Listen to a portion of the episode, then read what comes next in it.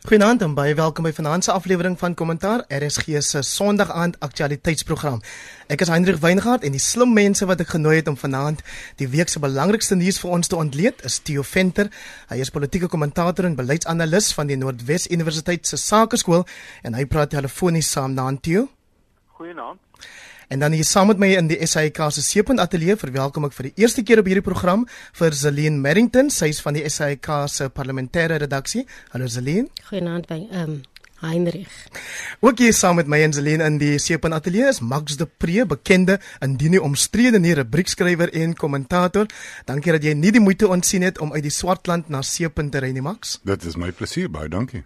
Nou kollegas, die afgelope week het ons president Jacob Gedles Lekisa Zuma in die parlement gesê hy voel hy word mishandel wanneer hy in die parlement sy verskyning maak. In plaas daarvan dat hy die geleentheid gegee word om rustig sy vrae te beantwoord, word hy dan deur oppositie LPs vir 'n misdadiger en 'n dief uitgekry. Hoe reageer jy hierop, Max de Pre? Ek het nogal lekker gekry toe kom sien uh, so spook daar. Ek dink dit was uh dit dit wys vir ons dat hy onder geweldige druk is. Dit is nie die die uh Jacob Zuma wat ek ken nie. Die Jacob Zuma wat ek ken is iemand wat ons laas jaar gesien het wat terugskree, wat terugspot.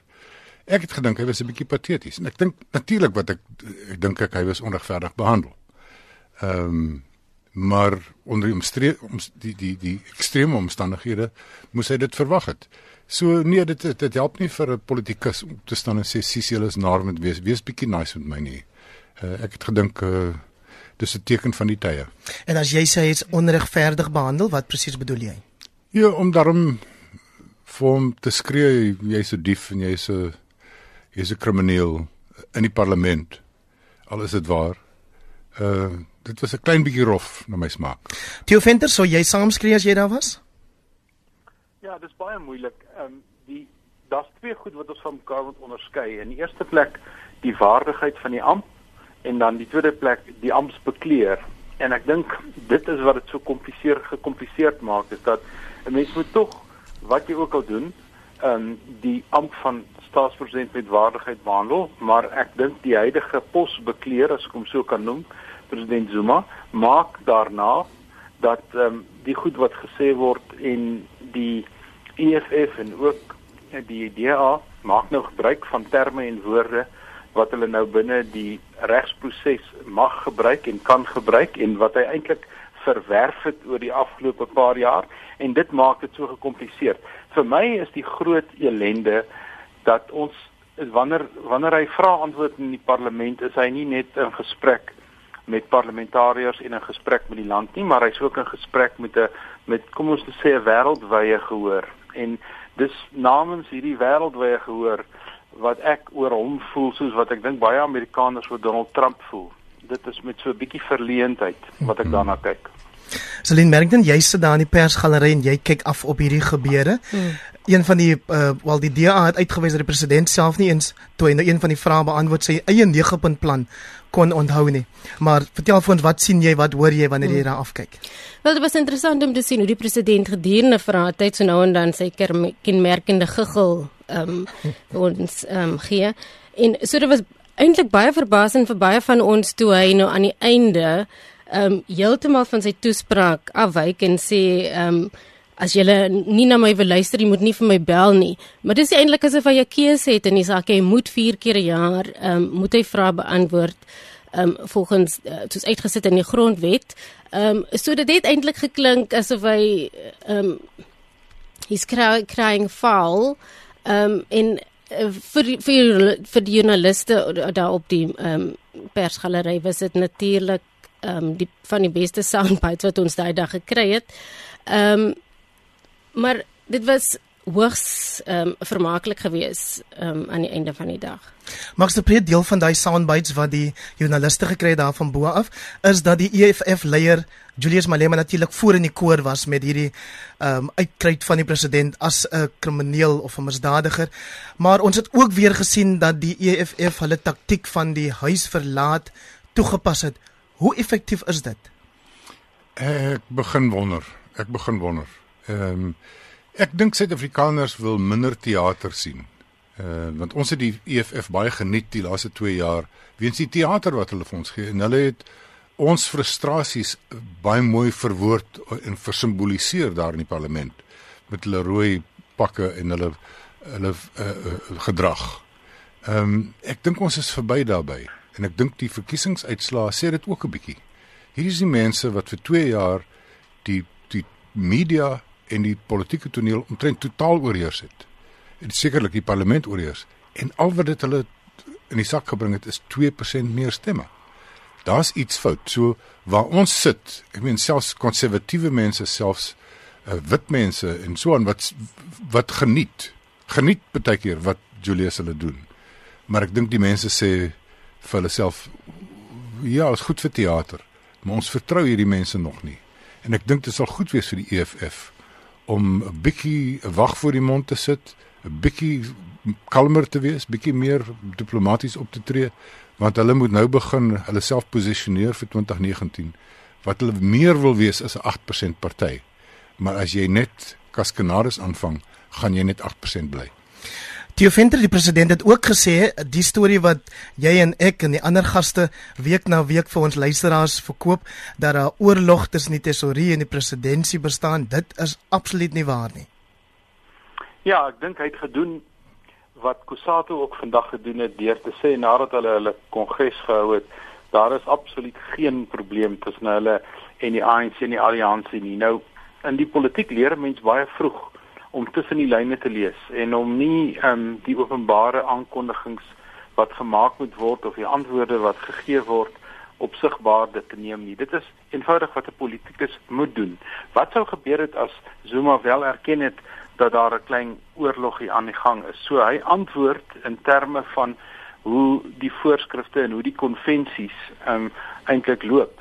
Maar ek dink die wyse waarop hy het geantwoord het en al die omringende faktore sê vir ons dat die geveg eerder besig is om te intensifiseer as wat dit besig is om kalmer te word. Ehm um, die die uh, daar is natuurlik nou geleenthede en een van die interessante goed was toe ek dink dit was die DA wat die adjunk president op die spot gesit het deur vir hom te sê maar jy het gesê nou die dag by 'n begrafnis die regering moet ophou om in oorlog met homself te verkeer as hy sekere eise wil stel aan sake lei en aan die arbeidssektor en dis meer. En al wat Cyril gedoen het, is hy het geknipoog vir die DA. Daar was bitter min lyfstaal wat iets kon weggee, maar dit sê vir jou hoe diep hierdie saak loop en ek het 'n idee hierdie gaan op ons um, besprekingsagenda bly totdat die ANC op 'n punt gekom het waar hulle nou hulle nuwe leiers gaan kies of dit nou vroeg gaan wees of dit laat gaan wees ons weet nog nie maar hierdie is deel nou van ons gesprek vir die volgende 12 15 maande. Zelin Merrington, maar so sien die mens ook die president se lyfstaal. Hy staan met sy rug na die adjunk president toe en hy kyk na die DA leier Musi Maimani, verskriklik geïrriteerd en hy sê, "Wel, as Ramaphosa so sê, vra vir hom." Hmm. Wel, dit is ehm um, ek dink die, die feit dat die twee die president en sy adjunk uh, basies uit twee monde praat, dink ek is vir my ek wonder is dit nie ehm um, seker die grootste teken dat daar groot gevegte aan die gang is en dat um, hulle twee selfs in openbaar nie mekaar kan vind nie. So jy sê Max de Pre dat die die EFF se steun wat luidrigtig deur die heer Malema uitgespreek is daar van minister Pravin Gordhan. Hy het gesê hierdie man is ons enigste hoop het hy aan die ANC lede of uh, LPs gesê julle moet hom ondersteun. Is, is dit enige beteken dit enigiets goed vir Pravin Gordhan? Ek dink dit verwoord wat die oorweldigende meerderheid Suid-Afrikaners glo. Uh, ek was bietjie verbaas om te hoor want hulle is baie krities oor uh, die tesourie. Die FF is baie krities oor die tesourie en oor die fiskale en monetêre beleid wat uh, Pravin Gordhan aanhang. Maar ek dink hulle het verwoord wat ons almal weet. Ehm um, Fitch die die die graderingsagentskap is môre hier. Ehm um, Standard & Poor kom en Moody's kom en al die, dit ons is in daai seisoen ons uh, ekonomie is in 'n diep knyp. En dit is inderdaad so dat Pravin Gordhan is die man wat tussen ons staan en 'n rommelstatus afgradering wat wat sleg gaan wees vir ons ekonomie. So dit was dit was vreemd om om dit van hulle te hoor, maar ek dink uh, dit is ook realisties. Dit dit is praktiese politiek. Ons moet nou vir Pravin Gordhan beskerm en dis ook hoekom daar hierdie week 'n uh, groot uh, fondsinsameling was in KwaZulu-Natal met die naam van #handsofpravin.gordon. Die venter en dan wat hiermee saamloop is dat ons vandag lees in die koerante Tuli Madonsela gaan in hierdie laaste maand van haar termyn seker maak dat haar ondersoek na of die president die Guptas toegelaat het om sy aanstelling van kabinetsministers en hoofde van staatsbeheerde maatskappye te beïnvloed. Uh, die ondersoek wil sy probeer klaarmaak voordat sy die kantoor verlaat.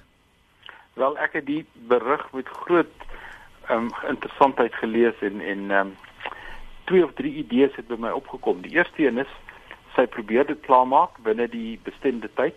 Dis normaal. Die tweede ding is sy wil in 'n sekere sin afhandel wat sy begin het. Maar ek dink hier kom 'n derde ding by. Alhoewel sy ook in die openbaar moet sê haar opvolger is die regte persoon, die beste persoon wat hulle kon kies, dink ek sy twyfel net soos baie van ons oor die nuwe openbare beskermer en op 'n manier het ek 'n idee dat hierdie projek wat waarskynlik net in sy konsep sal klaar wees teen die tyd wat sy loop, eintlik vir haar ehm um, dis die stokkie wat sy gaan aangee vir haar opvolger. En die groot vraag is wat ons nou sal dophou is, gaan haar opvolger met dieselfde ywer en met dieselfde entoesiasme ehm um, dit verder neem? Ek het 'n idee, dit gaan nie gebeur nie, want as ek na haar antwoorde moes luister ehm um, vir die parlementêre komitee wat haar ondervra het, het sy gesê sy sou graag 'n baie meer um, vriendskaplike verhouding met die regering wil hê en uit hierdie veglustige um, situasie uitkom waarin Tuli Madonsela in haar verhouding met die regering was. So ek dink daar's meer as net om dit klaar te maak voor sy loop. Magste Priya? Ja, ek dink my indruk is dat sy probeer gaan probeer om 'n voorlopige verslag uit te bring wat sy al van tevore gedoen het. Ehm um, en dit is soos Theo sê om om dan vir die vir haar opvolger iets op die tafel te sit om op uh, op te reageer. Ehm um, ek dink die nuwe uh, openbare beskermer gaan sukkel om hierdie voorlopige verslag en die, en die hoeveelheid uh, navorsing wat gedoen is in die, in die snippermandjie te gooi. In die eerste plek is daar die personeel uh, van die openbare beskermer se kantoor wat hierdie werk gedoen het en hulle doen hierdie werk al lank al. Ek het al twee keer met hulle vergader uh, oor hierdie selfe saak omdat daar seker goed is wat ek van weet wat hulle wou van weet. Ek weet hoeveel mense sy gesien het. Sy het al hierdie uh, inkomste diensmense van die sogenaamde Rogue Unit al gesien. Sy het kabinetministers gesien. Sy het al in Februarie vir die president skerp vrae gevra waarop hy al geantwoord het. So dit is nie daar's 'n spoor van papierwerk. Ehm uh, wat die nuwe openbare beskermer nie net kan afheen. Ek dink dit is baie betekenisvol. Ehm um, en dit is my half jammer dat uh, eh, toe die Maronsela nie 'n bietjie vroeër begin het nie. Maar hierdie gaan ook nie net oor oor oor die oor die uh, Guptas nie, né? Dit gaan 'n bietjie dieper. Ehm um, dit gaan oor die die kaping van staatsinstansies op die breë en dit gaan ook oor sy spesifiek vir president Zuma gevra. Ehm um, ek het hier by my gesê sy vir hom het ek het 'n geswore verklaring van Kebisi Jonas en van Fakie Mentor wat sê die Gupta familie het vir hulle posisies aangebied. Het jy die Guptas die reg gegee om mense aan te stel in die kabinet? Hoe werk dit? Dit is mos nie. Jy weet so die vraag is redelik prompt uit. Ehm um, eintlik ek sien eh, 'n uh, verskriklike vinnige ontknoping van goed hier aan die gebeur. Uh ons kan net nou 'n bietjie praat oor die oor die boeke wat hierdie week uitgekom het, maar goed gebeur nou vragtig so vinnig en en en elke dag, elke uur lyk president Zuma 'n bietjie meer onder druk. Jy vind er een van daai goed wat gebeur het die afgelope week is dat die hof beslis het Nonkoba Jiba, die wat tweede in bevel is by die nasionale vervolgingsgesag en Lawrence Moreau wat ook 'n uh, senior persoon by die vervolgingsgesag is, die twee se name moet geskraap word van die advokaatsrol af. Ja, ek dink dit is baie belangrik en ek stem met Max saam. Ehm um, ek het 'n idee. Um, ek het nou die dag voor 'n ander gehoor gesê dis omtrent nou al 30 jaar wat ek myself uitgee vir 'n sakker in die politiek en dis een van die eerste kere wat ek beleef dat goed so vinnig beweeg dat 'n mens nog besig was om die plaaslike verkiesing behoorlik te verwerk en daaroor ehm um, finale standpunte in te neem en voor jy jou kon kry toe die toe die dinamika heeltemal in 'n ander rigting begin loop en dis waaroor dink ek Max ook nou praat. Ehm um, daardie uitspraak in die in die hof is baie belangrik want ehm um, hierdie twee uh, persone by die nasionale vervolgingsgesag dink ek is soos uitgewys deur die regter was eintlik besig om die hele tyd um, met veldtogte en pogings te kom om te sorg dat die normale regsproses nie sy loop neem nie. En dat hulle op verskillende maniere mense kan baie geleerde woorde gebruik maar ek dink die mees Afrikaanse woord wat ek kan gebruik is hulle het woer woer gespeel met die met die regsproses met die met die ehm um, met regsoevereiniteit en met die prosesse wat moet volg. En die ander ehm um, uitspraak die week wat ek wil koppel aan hierdie uitspraak is 'n 'n voordrag wat Robert McBride gehou het eers in die Oos-Kaap. En hy het hy het gesê dat hy ook nou eintlik so half sterker voel oor sy saak. En toe maak hy hierdie stelling en hy sê daar is 'n daar is 'n kriminele ehm um, ehm uh, veldtog. Daar is 'n kriminele mind, het hy gesê, agter hierdie hele saak. En ek wonder of die naam wat hierdie week en vandag in die meeste koerante so dikwels genoem word, die naam van Richard Ndluli of dit nie dalk die naam is nie. Hy het nie die naam genoem nie, maar dit is dit is so as mens na al hierdie goeters kyk en jy soek 'n sentrale figuur waarom al hierdie dinge loop, dan kom ons weer by Richard Ndluli uit en in die Mangaung verkiesing van die ANC in 2012. Toe was Richard Ndluli nog 'n vryman.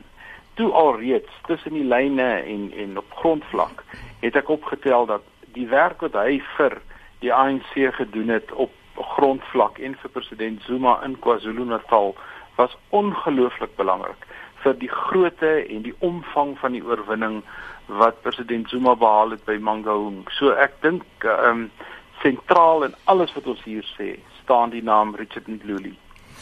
Kan ek jou vra Zelin Merrington hierdie verdeeldheid in die ANC en binne die die regering self, hoewel die president natuurlik niks daarvan weet nie, hmm. sien 'n mens dit uitspeel ook as jy nou komitee vergaderings bywoon of enige van die ander strukture by die parlement sê nou maar caucus hmm. vergaderings van die hmm. ANC? Hmm.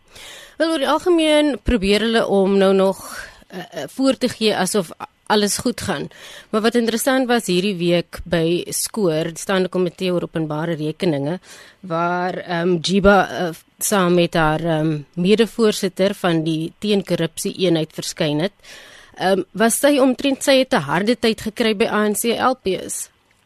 Ehm um, en uh, veral die justisie uh, voorsitter ehm um, Matola Mochega het hom nou al talle kere uitgespreek teen staatskaping. So dit sal interessant wees om te sien wat sal gebeur as ehm um, Sean Abrams by haar baas byvoorbeeld voor die komitee sou verskyn. Maar vir die eerste keer was dit nou nogal interessant om te sien sy het sy het omtrent geen beskerming gekry in in die ANC LPS was glad nie soos wat uh, die president wil hê um, LPS moet nice wees met hom het sy omtrent niks van hy niceheid belle gesien nie Ja so kan ek jou vra terwyl jy nou oor Matola Motshega praat mm. was dit nie die man wat tot die dood toe meneer Zuma verdedig het rondom in Kandla nie yeah. Ja. klink dit nie vir my asof sy stem bietjie verander het in die laaste maand of twee nie Hy hy het so 'n Damascus ervaring gehad. maar met ja, in alle waarskynlikheid Theo. Ehm um, maar Matole ek dink hulle sê soos soos wat hulle in Engels sê, he sings for his supper gewoonlik en ek ek is by 'n hele paar van daai laat en kandla vergaderings gewees waar jy later aan gedink het maar hierdie is 'n geleerde man, hoe kan hy die goed sê wat hy sê?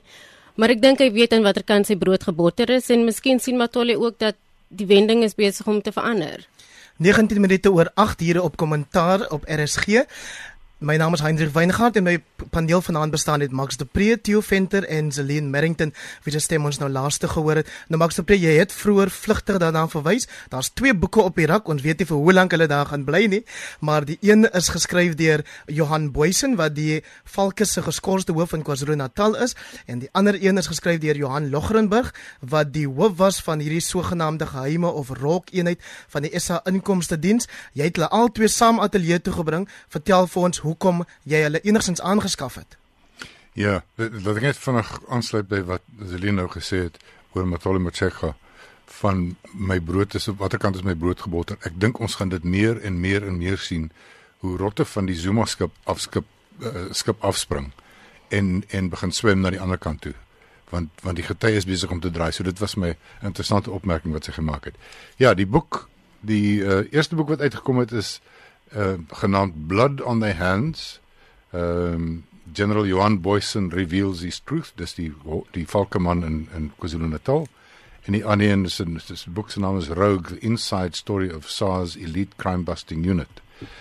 En luisteraars moet maar die moeite doen om hierdie boeke te koop.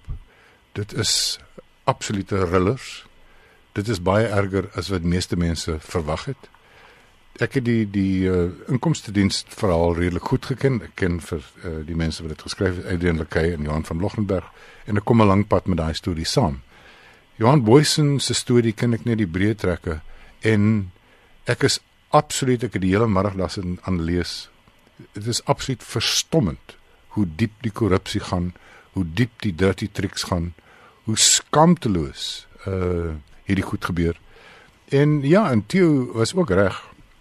In al twee die boeke verskyn die figuur van Richard Mdluli. Ehm um, Richard Mdluli was 'n apartheidsera veiligheidspolisieman aan die Oosrand. Net soos generaal Berning Mdlemeza wat nou die hoof is van die Valke. So president Zuma het sy sy sy sterk arm manne genaal uit die apartheid era. En hy het hom verskriklik vinnig opgewerk. Uh, hy wat Richard Mdluli is aan die hoof van uit die hoof van misdaad intelligensie geword. Die een deel daarvan en ek, dit is nou nêrens in een van hierdie boeke nie, maar ek het dit altyd interessant gevind. Wat hy gedoen het destyds as hoof van misdaad intelligensie het die bestuurders en en en leiwagte van ministers en premiers aan hom gerapporteer. So op Vrydag aande, as die ministers by die huis is en die premiers is by die huis, dan hou hy 'n braai vir die leiwagte en die bestuurders. En dan vertel hulle vir hom almal waar was die minister, wie die minister ontmoet, wat is wie se girl, watter girlfriend en dit is letterlik ek praat nie nou fiksie nie, dit is die heilige waarheid. Dan vat hy notas van wat die en dit twee keer het dit nie openbaar uitgekom. Dat Tokyo se Gwale en iemand anders het op 'n stadium by Howick ontmoet. En dit het toe uitgekom en, en uiteindelik kom dit maar die die leiwagte het vir Richard Mdluli. So Richard Mdluli is 'n sleutelman in president Zuma se oorlewingsstrategie uh, van die laaste klompie jare. En soos Theo gesê het, is hy wat vir hom beloof het, uh president staan by my, ek gaan vir jou 'n groot uh, oorwinning gee by Mangaung. En hy het daarvoor gesorg. Hy het beslis. Ja. En en so hy hy's 'n gewellige sterk karakter. Hy is nie eers in sy posisie op, hy's geskort op die oomblik.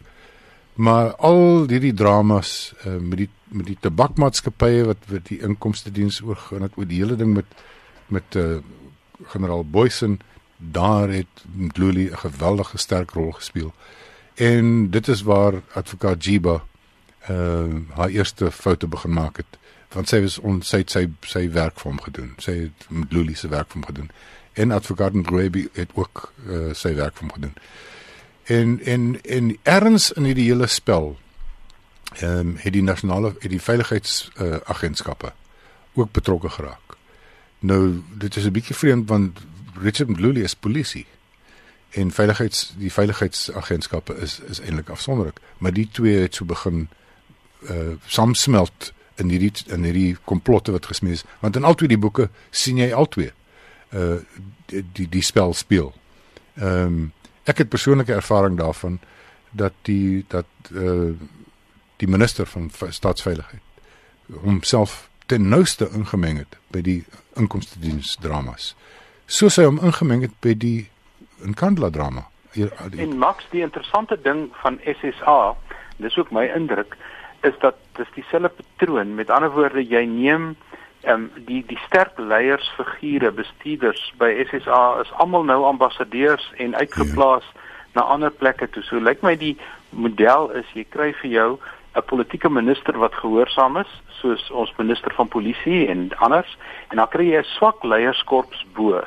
En dit lyk vir my dan een vlak onder die uitvoerende leiersgroep. Daar vind die groot goeters plaas. Ja, dit is interessant, Heinrich. Ek vinnig vir jou sê in hierdie boek, die Rogue Inside Story of SARS, skryf regter oudregter Johan Krugler die voorwoord.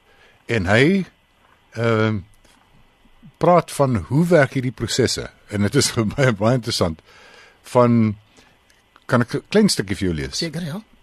Ehm um, I said there was there was a discernible pattern uh, where key individuals, experienced, reputable, and independent-minded public servants have been cynically shunted aside or out. Typically, the process starts with some or other alleged transgression, relatively trivial and or outdated. That then triggers well-publicized suspension and disciplinary proceedings, with concomitant humiliation, harassment, and ultimately dismissal, constructive, constructive or actual.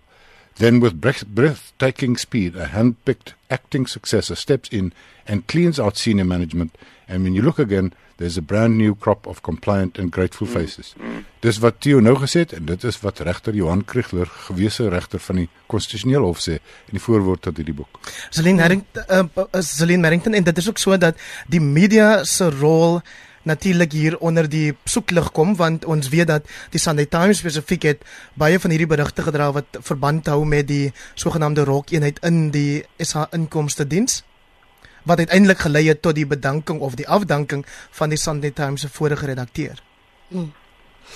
Ehm um, ek ek dink dit is soos wat Max sê ding is is is, is baie vinnig besig om te gebeur en uh, Ek dink hierdie is die een die een keer dat ons as media seker kan sê dat um, ons word nie um, onregverdig behandel in hierdie in hierdie spesifieke spesifieke storie nie.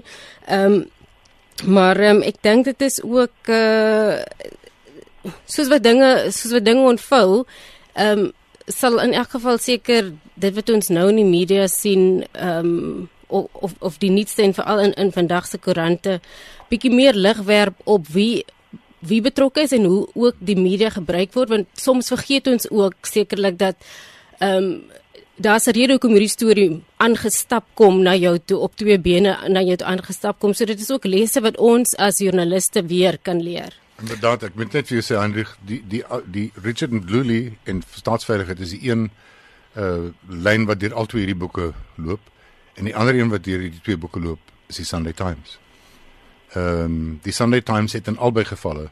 Die Sunday Times het uh, iets soos 30 berigte oor 'n jaar geplaas oor hierdie eenheid en elke woord daarvan was vals en hulle moes elke woord daarvan terugtrek. Dit was suiwer geplant, uitgedink en geplant, goed soos dat die inkomste diens het 'n bordeel. Uh, hmm. En die die die uh en dat hulle by die by die president se huis ingebreek het en hom meegeluister het. Nou al daai goed moet die Sunday Times nou sê ons is jammer dit was heeltemal onwaar. Maar die Sunday Times het ook deelgeneem aan die karaktermoord op generaal Johan Boysen. Hulle het uh, hierdie hele idee uitgedink van die Kaito Manor Death Squad wat hy die hoof is van. En hulle het foto's gewys van mense wat dood lê. Hulle wys hom hoe klim hy uit met uit 'n helikopter uit met 'n AK47 en hy gebruik self die voete. Hy het nie AK47 by hom by die geleentheid gehad nie.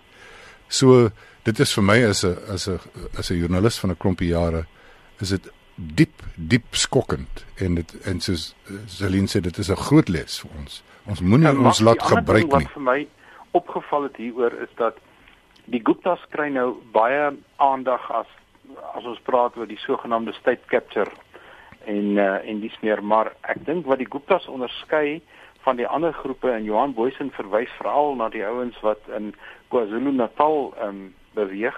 Die Guptas dink ek was net 'n uh, een treetjie, een stappie meer arrogant as die ouens in KwaZulu-Natal en ek dink dis hoekom hulle so vinnig uh, in die media gekry het, maar mense kan duidelik as jy die goed bymekaar sit en hele lot dan kom jy agter dit is nie net die Guptas nie. Daar is 'n hele klomp ja. um, instansies en strukture wat soortgelyke goed doen. Ek dink net die Guptas het hulle self 'n bietjie in die voet geskiet ja. met hulle met hulle met hulle arrogante hulle, hulle waarvan Waterkloof waarskynlik die die die die ultimate was. Presies. Hulle hulle is net groter en en meer windgat.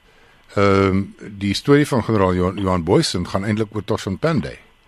Ehm um, is 'n ryk sakeman van Durban wat uh, groot pelle is met die president en sy kinders.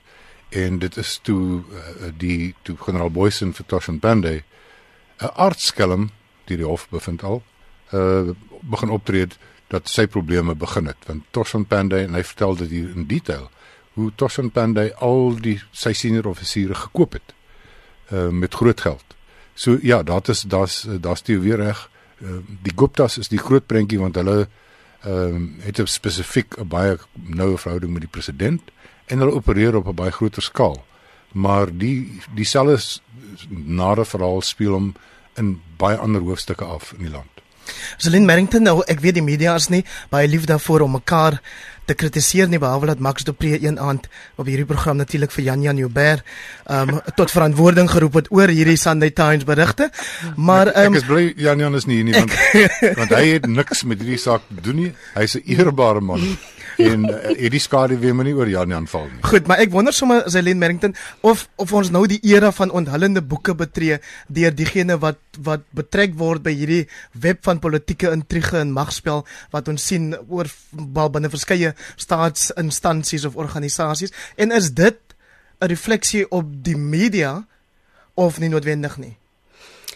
Ehm um, ek dink mense kan seker ehm um, hang af wat jou opinie is oor oor hierdie onthullende boeke en of dit ehm um, dit lyk ook deesdae asof dit makliker is om 'n boek te skryf. Ehm um, ek het 'n hele paar kollegas in journalistiek wat deesdae boeke uitbring oor stories wat hulle doen. Ehm um, ek dink dit is ook dalk ehm um, hoe die media sal ek sê evolve en hoe joernaliste evolve. Jy is nie net meer 'n joernalis nie, jy doen ook baie ander dinge.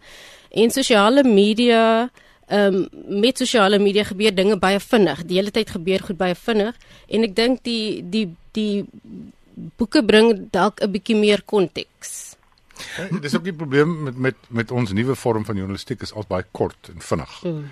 Ehm um, en daar's nie meer plek vir wat hulle in die ou dae genoem het long form journalism nie. Uh -huh. Uh lang vorm. So wanneer wanneer wanneer Johan van Roggenberg en en Johan Boysen hulle storie wil vertel, wil hulle nie dit in 500 woorde op ja. die voorblad van die Sunday Times doen nie want eh, jy a jy vertrou die koerant nie eens meer heeltemal nie uh dat daar nie 'n verdreiing gaan kom nie. So as jy jou boek doen, dan is jy in beheer van die feite. En jy kan baie meer vertel want jy kan jou storie vertel en dan vir vir 'n bankprokureur gee soos wat altyd hierdie boeke het vir 'n bankprokureur gelê twee banke prokureurs hmm. en en uiteindelik kan jy jou jou eie konteks skep vir die verhaal. Uh, Max, ek dink ook daar's 'n addisionele ehm um, dimensie hier en dit is ehm um, wanneer baie van die sake ehm um, loop uiteindelik loop uiteindelik 'n draai in die hof en die regsproses is 'n baie spesifieke proses. Jy moet 'n baie spesifieke saak hanteer en jou verklaringe gaan oor baie spesifieke goed. En in 'n boek soos jy reg sê, kan jy nou 'n beter konteks skep hmm. wat jy nie altyd in 'n hofsaak kan doen of in 'n beëdigde verklaring of wat ook al nie. So ek dink ons moet die boeke ook nie losstaande sien van die regsprosesse wat loop nie. Laat ek net vinnig daarom op die einde van die van die van ons bespreking oor die boeke sê. As jy die boek Rogue the Inside Story of SARS Elite Crime Busting Unit gelees het, dan weet jy daar was nooit 'n rogue unit nie. Daar was nooit iets onwettigs nie. Dan weet jy dat Pravin Gordhan gaan miskien aangekla word, maar hy gaan nooit verhoor word nie. Johan van Loggenberg, Ivan Pillay en en die ouens gaan miskien aangekla word, maar dit gaan nooit 'n hofsaak wees nie, want daar's nie 'n saak teen hulle nie. En hier is hier is uh 300 bladsye se getuienis dat alles uh nie, dat daar niks onder verdenking plaasgevind. Die Venter Max het ook vroeër verwys na die voorwoord in daai boek wat deur regter of afgetrede regter Johan Kriegler geskryf word. Ehm um, maar intussen was daar ook hierdie verwikkeling dat regter Zak Jakob by 'n geleentheid gesê het hy het destyds vir toe nog kommissaris Gordon gesê daar sou niks verkeerd wees met die totstandbringing van so 'n eenheid nie. Ja, dit is 'n baie belangrike ehm um, bydrae tot die debat van van mense wat nou na vore kom en ek dink uh, dit is dit hou by die standpunt dat as daar 'n fout met die eenheid was dan was dit waarskynlik administratief regtelik maar beslis nie krimineel nie en as die eenheid enigstens um, in omstredenheid gehul was dan sou die destydse minister van finansies um, Trevor Manuel mm -hmm. en die destydse president Thabo Mbeki waarskynlik die eenheid nooit goedgekeur het nie want jy stig nie sulke goed in die staatssektor veral in so 'n belangrike ding so SARS sonder dat jou senior politieke posbekleers nie daarvan weet of ten minste daaroor ingelig is nie. Nou ja, ons het nog so 5 minute oor van vanaand se program. Zelin Merrington, jy was een van die mense wat uh, ek weet nie of jy dit as 'n voorreg beskou nie, maar jy was een van die wat teenwoordig was by die 80ste verjaardagpartytjie wat hierdie week gehou is vir mevrou Winnie Madikizela Mandela in die 5-ster Mount Nelson Hotel onder die hange van Tafelberg. Watter indruk het jy oor haar gekry uit die toesprake wat belangrike mense by daai geleentheid gelewer het? Dit was vir my beslis 'n voorreg. Ek bedoel, Winnie het het beklei vir my regtig nog voordat ek gebore was. So dit was vir my beslis 'n 'n voorreg gewees om daar te wees en om na haar te luister. Ehm um, die adjunk president wat die hoofspreker was, het gesê het haar beskryf as 'n diamant. Ehm um, uh, hy het gesê die staatspolisie het haar probeer maar hulle kon hulle kon haar nie breek nie en ehm um, dit spreek ehm um, tot die feit dat sy ehm um, soos hulle sê you strike a woman you strike a rock en hulle kon net nooit vir Winnie onderkry nie. Dit was 'n glinsterryke affære geweest, 3 en 'n half ure laat begin, maar pragtig. Ehm um, En ehm um, daar was verskeie hoëgeplaastes gewees, verskeie van die kabinet en so meer. Ehm um, maar wat interessant was dat het sy botox gebruik dink jy? sy was pragtig geweest. Ehm um, en uh, dit was dit was juist die feit dat sy so pragtig is en nog altyd 'n pragtige vrou was wat uh, Cyril Ramaphosa gebruik het om bietjie die ys te breek met Julius Malema. Ehm um, dit was die eerste grappie vir die aand geweest en uh, Julius het toe nou ontdooi na dit want hy was 'n bietjie stuurs geweest toe Cyril Ramaphosa na hom verwys het.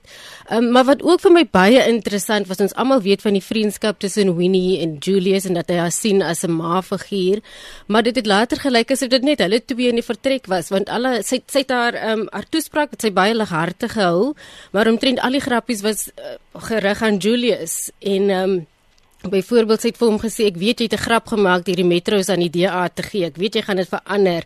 En ek is bly om te sien jy sit hier met White Monopoly Capital eh, aan tafel vanaand en Ek hoop jy gaan nou minder van mense sê bring back the stuff in parliament, maar dit was dit was dit was vir my baie insiggewend die die verhouding um, tussen die twee mense. Die offender dalk tong in die kies, maar sy het ook na Marikana verwys en dat sy 'n fonds wil begin vir die Marikana weduwees en toe nogals gesê grappenderwys dalk, maar maar dalk ook ernstig, Cyril hmm. Ramaphosa moet van hierdie wit kapitaal kry om te help met daai fonds en dan gaan Julius minder geraas maak. Ja, ons het dit nou nie in Afrikaans nie, maar in Engels is daar 'n pragtige uitdrukking wat sê many a true word is said in jest. Mhm. Ehm mm um, so ek dink tog daar is iets in onthou in die fotos wat geneem is, ehm um, het haar ou kerel van baie jare gelede Dali Mpofu ook mm. lank in die groep gestaan en net nou sy met Dali ehm um, gepraat het, dan kan hulle Dali was was was 'n sleutelspeler in ja. die hele Marikana saak ehm um, as regs ehm um, adviseur en advokaat en ek dink hy het nog tydens die proses SC geword, um, senior advokaat. So nee, daar kan dalk iets daarvan kom en as dit gebeur, is dit nog 'n spyker in die ANC se kus rondom Marikana want ek dink as ons later van tyd oor 10 jaar of so terugkyk, dan dink ek gaan mense besef hoe belangrik Marikana was in die draaipunt in Suid-Afrikaanse politiek. Max de Preen nou van kuste gepraat. Dirk van der Merwe is een van die luisteraars wat meen dat om mense met 'n meer volledige kyk um, uh, gee na Winnie se 80 jaar um, op aarde en deel van haar storie is natuurlik die dood van Stompie Sepe. Ja, ek dink dit is korrek. Ehm um, ek het ek ken vir Winnie Mandela al amper 40 jaar. Ek het 'n baie goeie idee hoe swaar sy gekry het. Brandword toe en terug en die polisie het regtig haar lewe hel gemaak. En sy was die een vrou wat sy moes die Mandela fakkel dra want haar man was in die tronk. So sy het hel op aarde gehad, daar's geen twyfel daaroor nie. Maar dan was dit 3, 4 jaar, 2, 3 jaar in die laat 80s wat sy heeltemal kop verloor het. Sy en haar sogenaamde sokkerspan. En dit is korrek so uh dat sy verantwoordelik is vir vir vir die dood van Stompie se pay en dalk nog drie ander volgens getuienis voor die waarheidskommissie. Ek dink nie dis onvanpas dat iemand dit uh, nou te te berde bring nie. En so het ons ongelukkig by groetheid uitgekom vir vanaand se program. Ek moet daarom net vir julle sê, paneellede Max de Pre, Zelin Merrington en Theo Venter dat 'n ander Theo, Theo van der Mest, sê op Facebook baie geluk aan jou en die gaste wat 'n uitstekende program vanaand en so het Corrie Prinsloo ook op e-pos laat weet dat sy dit baie geniet het vanaand. So baie dankie aan julle bydrae en daai baie dankie aan die luisteraars wat ingeskakel het. Onthou dat jy die potgooi van hierdie program elke week vroeg week kan aflaai van RSG rsg.co.za af of hou my Facebook bladsy dop want ek laai dit ook gereeld daarso. Van my Hendrik Weingart, groete tot volgende keer.